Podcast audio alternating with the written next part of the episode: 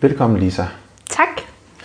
Så øhm, vi skal snakke om borderline, Ja, fordi det er jo en diagnose, du har. ja, det er det. Og øhm, kan du prøve at fortælle, hvad vil det egentlig sige, det her borderline? Hvordan, hvordan ved du, at du har borderline? Hvordan finder man overhovedet ud af det? Øh, Jeg fandt ud af, at jeg har borderline i forbindelse med, at jeg blev mor for nogle år siden. øh, Og havde det rigtig svært. Havde svært ved at følelsesregulere øh, alting. Og havde svært ved at være i relationer. Og i det hele taget svært ved at skulle være ja, noget for andre, som jeg jo skulle for mit barn. Øh, Og så kom jeg ud i psykiatrien og fik stillet diagnosen. Og kunne godt se, at det havde jeg haft i mange år. Blandt andet også med henblik på, at jeg har set tingene meget sort-hvid i verden. Okay. Så at se ting sort-hvid, er det et borderline-karakteristika? Ja, det er det. Yes. Så, så nu, nu skal jeg bare sådan høre, så du går hjem med dit barn, og, det, og hvad sker der så? Går du sådan til lægen? Er du deprimeret, eller bliver du... Hvordan? hvordan? Ja, altså jeg har haft en meget udsat barndom, så da jeg blev gravid, blev jeg allerede øh, henvist til sådan noget center for sårbare mødre. Så på den måde var jeg sådan lidt forberedt på, at der måske ville komme en reaktion. Og så blev jeg uheldigvis ramt af en, en farlig sygdom under graviditeten, så jeg var indlagt halvdelen af graviditeten og født for tidligt. Og det udløste en øh, medicinsk psykose, så jeg var indlagt i yderligere lang tid med mit barn. Og da vi så kom hjem og blev udskrevet, øh, så kunne jeg slet ikke få hverdagen til at fungere. Så det var ligesom der, det gik galt.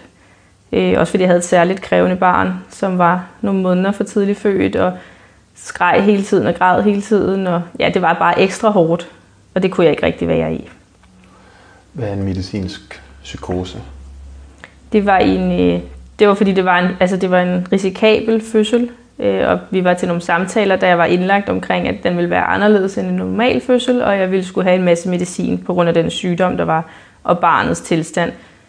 Øhm, ja, og så fordi jeg fik så meget medicin, så har jeg så fået det, de kalder en medicinsk psykose, og jeg, jeg ved faktisk ikke stadig, hvad det er, men det var i hvert fald sådan, så jeg ikke kunne sove i flere døgn, og så en masse mærkelige ting for mig. Ah, okay. Så du fik sådan nogle øh, hallucinationer, simpelthen? Eller? Nej, mere vrangforestillinger. Ah, okay. Ja, måde. det var ikke fordi, jeg så noget, der ikke var der, men jeg sådan tolkede ting ud fra bestemte situationer. For eksempel, at hun var blevet syg, fordi at Gud var ude på at straffe os. Eller at hun ville dø, eller at hospitalspersonalet ville tage barnet, hvis jeg lukkede øjnene og sov, fordi de ikke ønskede, at jeg skulle være mor for hende og sådan noget. Okay. Mm. Yes, så der sker, der var du meget ude af balance, Ja, og så får du diagnosen borderline. nej, ikke der faktisk. Der, der siger de bare, at det er en belastningsreaktion, fordi det har været så voldsomt. Og så kommer jeg hjem, altså vi blev udskrevet, da hun er en måned. Og så kommer jeg hjem, og så bliver jeg fuldt tæt af sundhedsplejersken. Og jeg siger til hende flere gange, jeg kan ikke holde det ud. Jeg er ved at blive sindssyg. Øh, Jeg har lyst til at kaste barnet ud af vinduet. Og hun sagde hver gang, det er helt normalt. Det har jo også været et voldsomt hårdt forløb. Og det er derfor, jeg kommer. Og, og jeg tænkte ind i mig selv, at det var ikke helt normalt. Men altså, det, det sagde hun. Og da der så var gået et halvt år, og jeg stadig havde det sådan, så henviste hun mig så til egen læge, fordi det kunne godt være, at der var noget andet. Øhm, og det skal lige siges, at mit barn var meget glad. Altså hun var meget glad lille barn, som trivedes, så det var ikke fordi, der var noget med hende. Og mine tanker var heller ikke rettet mod hende. Det var ikke, sådan en, det var ikke en fødselsdepression, som hun først troede, min sundhedsplejerske. For det var ikke sådan noget med, at jeg ikke elskede hende, eller ikke kunne stå ved hende. Det var sådan inde i mig selv, at det hele var svært. Øhm, ja. Og så blev jeg så henvist til min egen læge, og på det tidspunkt havde jeg også været meget selvskadende. Ja. Og hun valgte så at henvise mig ud til psykiatrien. Og så synes jeg, det gik meget stærkt derfra. Okay. Ja, Så når man får stillet diagnosen, så snakker man med en psykiater, ja, som sidder med et spørgeskema. Er det sådan, det foregår? ja. De sidder både med et spørgeskema, der er blevet sat to timer af gang tre. Så det er sådan en omfattende undersøgelse, hvor de spørger om en masse ting, men, men også har en helt almindelig samtale øh, og stiller en masse spørgsmål. Ja. Yes. Så, så får du konstateret borderline. ja, Ja. Og hvordan mærker du, eller kan du prøve at sætte nogle, altså nu har vi snakket om det med her sort-hvid tankegang. ja. at det er sådan et borderline karakteristika, mm. at folk enten er onde eller gode, Ja, og en bestemt handling bliver enten tolket som god eller dårlig. ja, Og det er sådan lidt øh, ikke så nemt lige at se alle gråtonerne. ja, det er og rigtigt. rumme, at det både kan være godt og dårligt på én gang. Ja. Så hvad, hvad for nogle karakteristika har du ellers oplevet? Altså har du noget andet end lige det her med den her lidt sort-hvid tankegang? Ja, altså at jeg har haft svært ved at være i relationer, men det tror jeg også primært bunder i sort-hvid tankegang. Øhm, ja, og så manglende evne til at følelsesregulere. Det har helt klart været det største ja, tegn for mit vedkommende. Og hvad betyder det? Ikke at kunne følelsesregulere? Ja. Hvad mener du? Altså jeg mener, at, det, at en lille situation, jeg synes jeg, en lille situation, øh, som har irriteret mig ved andre mennesker, den har jeg kunne få et, et kæmpe udbrud over. Altså det har taget mig flere dage at komme mig over. Eller hvis nogen irriterer mig nede i Netto i køen, så er det også noget, jeg har faret fuldstændig op over. Øh, Skiller du dem så ud, dem der står i netto? ja, så har jeg, ja, så har jeg en konflikt, øh, og har ikke rigtig selv kunne være i stand til at stoppe den. Så er det sådan raseri, vi taler om? Ja, så er det raseri. Øh, Det har primært været raseri, men det har også nogle gange været sådan en enorm kedattighed, eller en vrangsforestilling, øh, overbevisning om, at vedkommende har gjort det for målrettet at skade mig, for eksempel. Okay. Mm-hmm. Mm. Så noget med ikke at kunne styre følelser, der bliver taget af følelser, bliver taget af vrede eller kedattighed, sådan, som så kan stå på i flere dage. Er det sådan, det, Ja. du siger, ikke? Eller man kan gå med sådan en... Går du så og tænker over hende der dame nede i Netto, eller Ja, og sådan hisser dig op over det, og... Er ja sådan så er det for eksempel sådan noget. Og også, øh, altså da jeg gik på barsel, der var et af eksemplerne, kan jeg huske, som de tog op i psykiatrien, det var for eksempel, at, at jeg kunne have bedt min, min daværende kæreste dengang om at tømme opvaskemaskinen. Og det havde jeg måske sagt til ham tre gange en aften. Og jeg havde måske åbnet lågen til opvaskemaskinen for ligesom at huske ham på, husk nu at tømme den. Og da jeg så stod op om morgenen, så havde han ikke gjort det. Og det var sådan noget, der kunne udløse raseriudbrud for mig. Altså, jeg var overbevist om, at det havde han gjort for at prøve mig af, og for at pisse mig af med vilje. Og det var sådan noget, jeg kunne gå og være ked af det over i to døgn. Altså, han elskede mig tydeligvis ikke mere, når han ikke tømte opvaskemaskinen, når jeg nu havde sagt det så mange gange. Fordi så prøvede, og når, og når så andre sagde, at det er fordi, han har glemt det, det kunne jeg simpelthen ikke få tænkt sammen, fordi jeg synes ikke, han var evnesvag på den måde, så jeg kunne ikke forstå, hvis han skulle glemme det, når jeg havde mindet ham om det tre gange. Jeg tænkte, det er jo ikke nogen mennesker, der gør. Så var det jo, altså, det var jo åbenlyst for at irritere mig. Sådan tænkte jeg dengang. Ja. Ja. Mm. Så, øhm, så noget med, hvad er relationer, og hvordan har du så arbejdet med det? Fordi altså, jeg tænker, at nogle af de her ting kan man jo blive bedre til. Så hvordan er din egen sådan, udvikling? Hvordan arbejder du med de her ting? Ja, ja det, altså man kan blive bedre til det, selvom det er så iboende i ens personlighed. Øh, Men jeg har gået et helt år i sådan noget psykoedukationsgruppeforløb ude i psykiatrien, mm-hmm. hvor man ligesom lærer at mentalisere. Øh, eller, og hvis man så har en tendens til at hypermentalisere, som jeg havde, altså jeg har ikke behov for at lære at mentalisere, fordi jeg overdrevet mentaliseret hele tiden i alle relationer, øh, så skulle jeg ligesom lære at skære ned for det. Kunne du, kunne du prøve lige at uddybe, hvad mener du? Jamen for eksempel, hvis jeg, hvis jeg sad her over for dig for et år siden, så ville jeg over mentalisere det fuldstændig. Så ville jeg hele tiden sidde og tænke på, hvordan ser Holger mig, når jeg sidder sådan her med mine hænder. Nu lader han mærke til, at jeg kigger til højre, nu tror han ikke på, hvad jeg sagde. Eller hvis jeg rømmer mig, nu tænker han så, at jeg keder mig, når han stiller mig et spørgsmål og så videre. Så, og sådan var det hele tiden. Jeg var hele tiden i sådan en alarmberedskab og overtænkte alting. Så det har jeg lært via det der psykoedukationsgruppeforløb at skære ned for. Hvordan gør man det? Ja, ja, det er et godt spørgsmål. Øh, Jeg tror, man gør det ved at, øh, altså ved at i situationen gribe sig selv i at sidde og overtænke og egentlig ikke være til stede. Øh, Og så synes jeg, at det, jeg har fået med mig ud fra den psykoedukationsgruppeforløb, er, at det, er, altså det foregår jo med andre ligesindede. Så man får andre ligesindedes refleksioner over nogle givende eksempler, man kommer med, for eksempel. Mm. Men jeg synes ikke, det har været tilstrækkeligt. Jeg vil ikke sige, at det har været nok hjælp til mig i hvert fald. Ja, altså jeg tænker også, når jeg hører dig fortælle, at, at det her med sort-hvid og det her med at overtænke, altså jeg tænker, at det er noget, vi jo alle sammen gør i en eller anden grad. Mm. Og sådan, hvis der er en, der tager vores parkeringsplads, eller en, der um, et eller andet, så kan man godt tænke, ej, hvor er han bare Mm. også bare skide irriterende, ikke? Eller sådan Ja. en egoist, eller... Så jeg tænker også, at altså, nogle af de ting, du beskriver, det er noget, mange af os godt kender, selvfølgelig i en mindre grad. Ja, Og ligesom at normale mennesker, i situationstegn normale mennesker, mm. øhm, lærer hele tiden, så lærer du også hele tiden. ja. Ja. Så, øhm, så hvad er dine største udfordringer i dag? Hvad, hvad kæmper du med i dag sådan, i dit liv? Ja.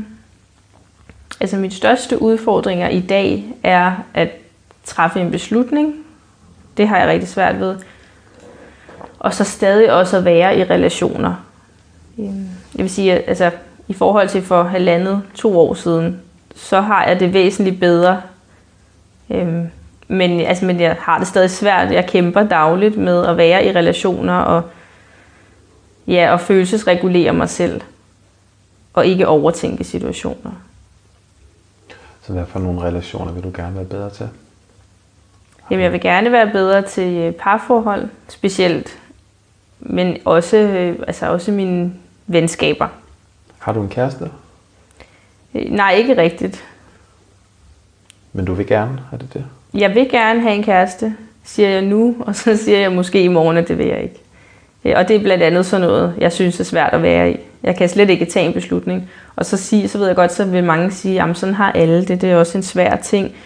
Men det har været en svær ting for mig hver dag i 10 år. Og det er ikke normalt. Jeg kan jo se på mine venskaber, altså mine venner og veninder, at når de har kæmpet i flere år i et forhold, der ikke går, så slutter de det og kommer videre i deres liv. Og det gør jeg ikke. Jeg vender tilbage til det. Jeg bliver ved, fordi jeg ikke kan tage en beslutning. Altså vender tilbage til det samme forhold, er det du siger? Ja, det kan jeg godt finde på. Ja. Ja. Så, øh, så er det også et borderline karakteristika at have lidt svært ved at mærke, hvem man er, hvad man vil. Ja, det er det i hvert fald ifølge min psykiater. Øhm, Og, det, og det, altså for mig kan det svinge hver femte minut, og det synes jeg jo selv er skræmmende. Og det, altså det synes jeg er svært at lære i hvert fald. Mm. Ja. Men hvordan bliver du bedre til det? Altså hvad gør du? Gør du noget for ligesom den her øhm, identitet, eller finde sit eget ståsted? Altså, ja, jeg synes, jeg gør noget. Jeg synes jo, jeg er kommet stabilt ud i psykiatrien i flere år nu, og også hos alternativ behandler, som jeg selv øh, har valgt at gå hos. Så jeg synes, jeg gør meget aktivt for at lære og gerne ville det. Men jeg synes, det er svært, fordi problemet er, at hvis jeg får en, en sort tanke, eller hvis jeg får det enormt dårligt, som alle jo kan få, så er det bare den tand værre, end et ja, normalt individ får. Jeg kan for eksempel ikke tage almindelige, hvad hedder sådan noget, ja, almindelige forslag til mig. Altså når folk siger, kan du prøve at gå en tur, eller kan du prøve at tage et varmt bad, eller lignende. Men det, det eksisterer ikke, når jeg har det dårligt, fordi jeg har det så dårligt, at jeg slet ikke kan bevæge mig næsten. Så på den måde synes jeg, det er svært at lære at være i det i hvert fald. ja. Og øh, nu har du jo gået her hos mig i mm. ni måneder eller sådan noget, tror jeg. Ja, Øhm, så jeg kender dig jo godt. ja, øhm, og kender også nogle af de ting, du har kæmpet med. Mm. Øhm, og jeg kan huske, du på et tidspunkt har fortalt om, og du har også nævnt det her i dag, det her med sådan et selvskadende adfærd. Mm. Og øhm, kan du prøve at uddybe lidt, hvad Ja. det er, selvskadende adfærd, og, og hvad der driver dig til det? mm. Jeg tænker, Ja. det er noget, som mange har svært ved at forstå, tror jeg. ja det, det er det. Øhm, og det kan også være svært selv at forstå, tror jeg. Øh, det har det i hvert fald været for mig førhen. Men nu forstår det godt. Og selvskade, det, altså for mit vedkommende har det været primært at skære meget i mig selv. Øh, og det har jeg gjort i mange år, sådan on and off. Og det har ligesom været en måde, tror jeg, at, øh, ja, at, at komme væk fra situationen på, eller overhovedet kunne mærke mig selv. Eller ligesom sådan øh, tankestoppe mig selv. Og der har ikke været andet, der virkede. Altså, jeg gør det, når jeg har forsøgt alle de ting, som andre mennesker vil gøre. Træk vejret, eller sætte en YouTube-yoga-video på, eller sådan noget. Og det virker ikke. Øhm, så har det ligesom været selvskade, der har været vejen frem. Så det er altså at skære i sig selv, mm. eller dig selv, og, hvad, og nu spørger jeg sådan, Ja, er det i armen, er det i benet, hvad gør man, et barberblad, skal du med, hvad, hvad, ja jeg har brugt skarpe genstande Ja. generelt. Øh, Og da jeg var yngre, var det meget sådan i armene. Men nu er jeg jo ligesom voksen og mor, så for at skjule det, har det været nødt til at være i, ja, i maven eller hofterne. Altså et sted, som man sikrer sig, at folk ikke ser. og er det så smerten, der overdøver tankerne? Er det sådan? Ja, det, sådan opfatter jeg det i hvert fald, at det er ja, smerten, der tager over. Og så føles det ligesom om, at jeg placerer det et andet sted. Altså et åbenlyst sted, hvor jeg kan se, at jeg placerer det, og så forsvinder det. Ah, okay. Så der er også noget med, at det på en eller anden måde bliver kanaliseret ned i det der hudstykke. Ja, ja det er det, ja. Sådan på en eller anden måde, det er blevet flyttet ud. Ja, Okay. ja og så har jeg haft episoder, hvis jeg så ligesom har skulle bevise i psykiatrien, at jeg godt kunne lade være. Så har jeg bildt mig selv ind, at jeg godt kunne, men set i bagspejlet, så har jeg sådan erstattet det med noget andet. Altså så har jeg erstattet det med bulimi eller, eller sex for eksempel. Ah, ja. Ja. Fordi det der med sex mm. og... Altså, det er. Det er også noget, vi har talt om, og også et, et sådan et borderline tegn, mm. det her med øhm, at øh, have svært ved at være alene. Ja, Så kan du prøve at fortælle lidt, sådan lidt om dit forhold til det? Ja, altså jeg kan ikke være alene. Heller ikke på nuværende tidspunkt. Jeg kan godt, men så er det, altså, jeg kan godt, men så ender det bare i en dårlig ting. Så at ender det i selvskade og så videre. Jeg kan godt være alene en enkelt nat eller en enkelt aften, men jeg har svært ved at forestille mig mig selv bo alene. Øhm, så ja, jeg har svært ved at være alene, og det har jeg altid haft. Jeg forestiller mig alle mulige ting, når jeg er alene med, at nu dør jeg, eller ting, hvis der sker noget, og så videre. Mhm. Så, og, hvad, og hvad gør du så? Altså, fordi, kan du prøve at fortælle lidt om de strategier, du så har brugt for at undgå at være alene? Ja, så har jeg primært, synes jeg, datet mænd. Øhm, og jeg har masser af veninder, men jeg har svært ved at være i det. Altså, jeg tror ikke, de bemærker det. De synes, at de er meget tætte på mig, men sådan har jeg det bare ikke den anden vej. Og jeg kan ikke, jeg har ikke kunne overskue at se en veninde en fredag aften, for eksempel, for jeg kan ikke overskue at skulle være noget for andre. Jeg kan ikke overskue at skulle sidde og tale og høre på dem og tage det ind. Det har været nemmere at se en mand, fordi så så man ligesom ligger og putte og se en film. Jeg skal ikke, rigtig, jeg skal ikke interagere på den måde. Okay, så der er dels noget i dig, som ikke vil være alene, Ja, og så samtidig så er det svært for dig at være tæt på nogen. ja, Men så synes du, at hvis det er en mand, mm. så kan man putte, Ja. se film. Og er det så fordi, det synes du ikke, det kræver noget af dig, det er nemt, er det det, du siger? ja, det er nemt. I forhold til, hvis jeg laver en aftale med en veninde fredag aften, så er det fordi, at hun forventer, at vi sidder og snakker, eller jeg skal ligesom hele tiden være på og lytte, og, og det kan jeg ikke overskue. Så det vil sige, at du er sammen med mænd også, som ikke vil have noget af dig? Nej, det er jeg ikke. Men jeg kan bedre være i den form for at give. Altså jeg kan bedre være fysisk, okay. end jeg kan sidde og tale. Ah. Ja. Er det noget med at undgå sårbarhed? Nej, det tror jeg ikke. Øhm, I hvert fald ikke i relation til mine veninder. Jeg kan simpelthen bare ikke overskue det. Og det, det kan jeg jo ikke sige til dem. Fordi det, ja, det synes jeg selv lyder forkert. Men jeg kan ikke overskue det. Jeg kan ikke overskue at sidde og høre på deres liv. Og, ja. Men du kan godt overskue at se film med en mand. ja, det kan jeg godt. Kan du, kunne du se film med en kvinde? Ja, det kan jeg godt. Men de taler. De taler meget, og det kan jeg ikke holde ud. Okay. Så, så du kan godt være fysisk med en mand, så du kan, vil det være svært for dig at være med en mand, der vil snakke om sine følelser, for eksempel? Ja, mm, nej.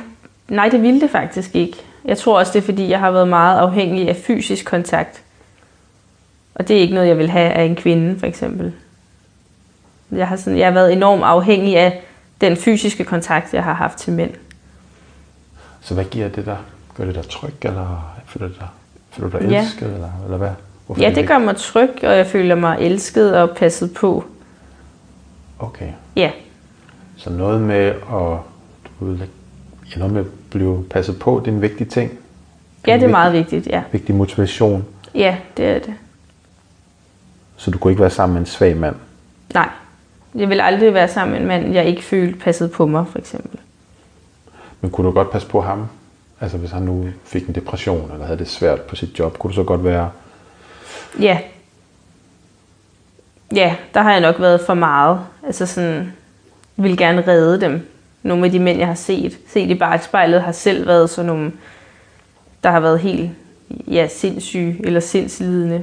Og det er som om, det har jeg ligesom godt kunne lide at være i, fordi jeg så har skulle hjælpe dem eller være den stærke. Ah ja, fordi så vidt jeg husker, så er det også et borderline karakteristika, det her med, at man søger nogle klare roller. Ja, Så hvis man ligesom, nu er det mig, der passer på dig, det er til at finde ud af. ja, Eller du passer på mig. Ja, lige Og så præcis. alt ind derimellem, det er kompliceret. Ja, Okay. det er rigtigt. Ja. Så, så der, du har en historie af at mm, måske søge sådan lidt desperat parforholdsrelationer. Kunne man sige Ja, det? det har jeg.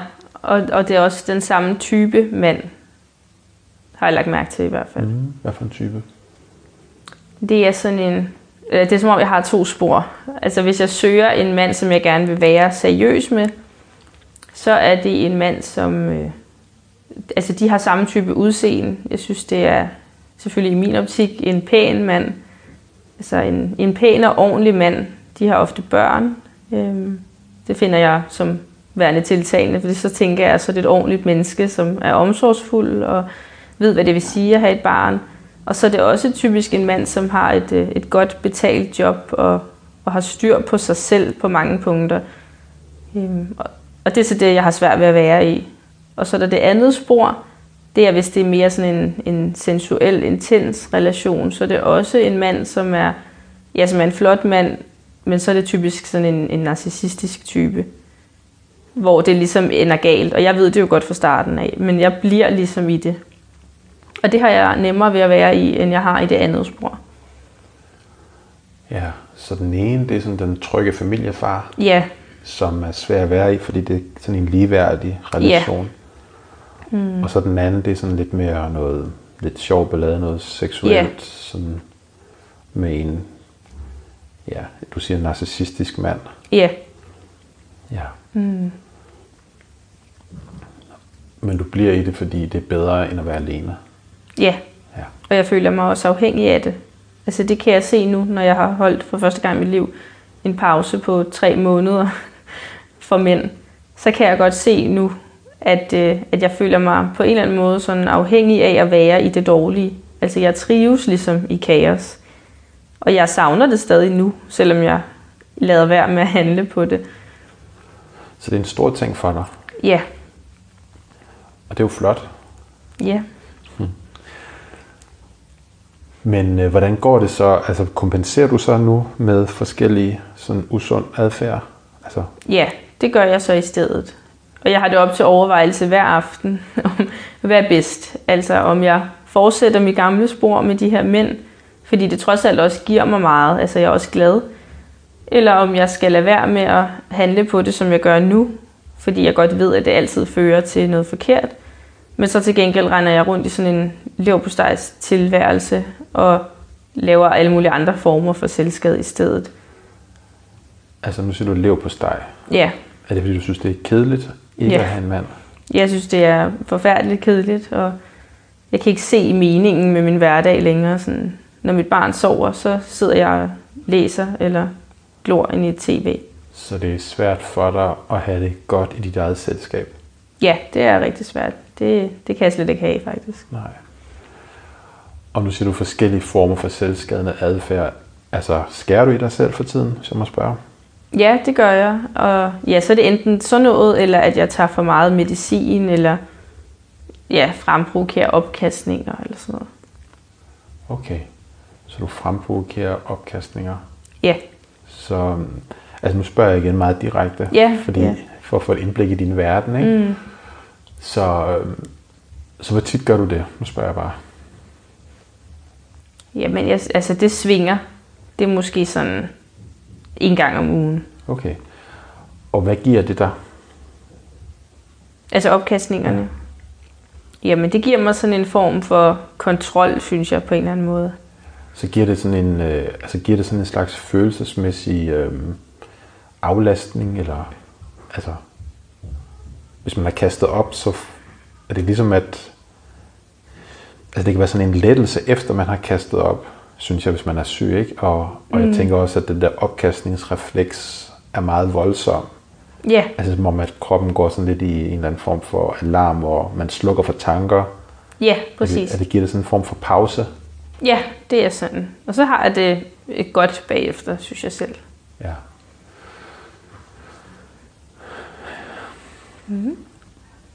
Så øhm, hvordan har man egentlig, eller hvordan har du fået borderline? Altså, eller fået, eller jeg mener, har du haft en lykkelig barndom? Nej, det har jeg ikke. Øhm. Og jeg har fået at vide ude i psykiatrien, at langt de fleste tilfælde med borderline, det er opvækstbetinget. Og det hænger ofte også sammen med diagnosen PTSD. Øh, altså at man er udsat for så voldsomt et traume, som former ens personlighed til ikke rigtig at være i stand til at se nuanceret på noget, eller ja, reagere følelsesmæssigt, hensigtsmæssigt i situationer. Øhm, og det har det også været i mit tilfælde. Altså jeg har også haft en, øh, altså en opvækst med en psykisk syg mor og en far, som var rockerrelateret, altså en meget voldelig far. Og de gik så fra hinanden, og så fandt min syge mor en ny mand, som også var meget voldelig. Og min far blev gift med en kvinde, som var narkoman. Så Mm. det har været meget turbulent hele vejen igennem. Ja. Så du har ikke for eksempel fået så meget empatisk kontakt, omsorg? Nej, Som- det har jeg ikke. øh. Nej, det har jeg ikke. Altså, det har ingen af mine forældre evnet. Og hvis min mor ikke kunne overskue os, altså mig og mine søskende, da vi var børn, så har hun ligesom bare låst os inde på et værelse, til vi var færdige med at efterspørge den form for sympati, vi gerne vil have. Simpelthen fordi hun ikke kan rumme det. Okay. Så mm. du kan huske situationer, hvor du har været ked af det, Ja, det kan jeg godt. og ville have trøst, og så du blev Ja. låst inde på dit værelse? Ja, præcis. Ja. Ja. ja. Men det lyder jo også uh, fuldstændig sindssygt hårdt. Og Ja. umenneskeligt og alt muligt forfærdeligt at høre på. Ja. Ja. Og så øhm, vokser du op, og så får du dit første forhold, parforhold. Ja, jeg er 16. Ja. Og der gentager historien sig lidt. Eller? Ja. ja, det gør den. Altså fordi jeg finder en mand, som er en del ældre end mig. Altså på det tidspunkt. Øhm, og så, ja, så er jeg ligesom i det her forhold, og det har både gode og dårlige ting, fordi at, at hans familie tog mig rigtig meget ind til sig. Altså jeg var jo et udsat barn. Så jeg flyttede der hjem, og så gennemførte jeg gymnasiet mod alle odds, og det havde jeg ikke gjort uden den familie. Men det var så også på kompromis af, at jeg så levede i et forhold med seksuelle overgreb. Altså med den her mand. Og han var selvfølgelig også selv ung dengang, men det var bare, altså, det var seksuelle overgreb, som stod på i en del år. Ja. Så der går ret mange, altså du er faktisk voksen op i 20'erne, inden du øh, oplever et sundt relation til en anden voksen. Ja, det er jeg. Eller semisund, eller hvad man nu skal sige. Ja. Ja, det er jeg. Eller jeg havde en, øh, en støttekontaktperson, jeg var barn, fra kommunen af. En ung fyr også, som jeg ser tilbage på nu, synes jeg i hvert fald var en, ja, en sund voksen relation.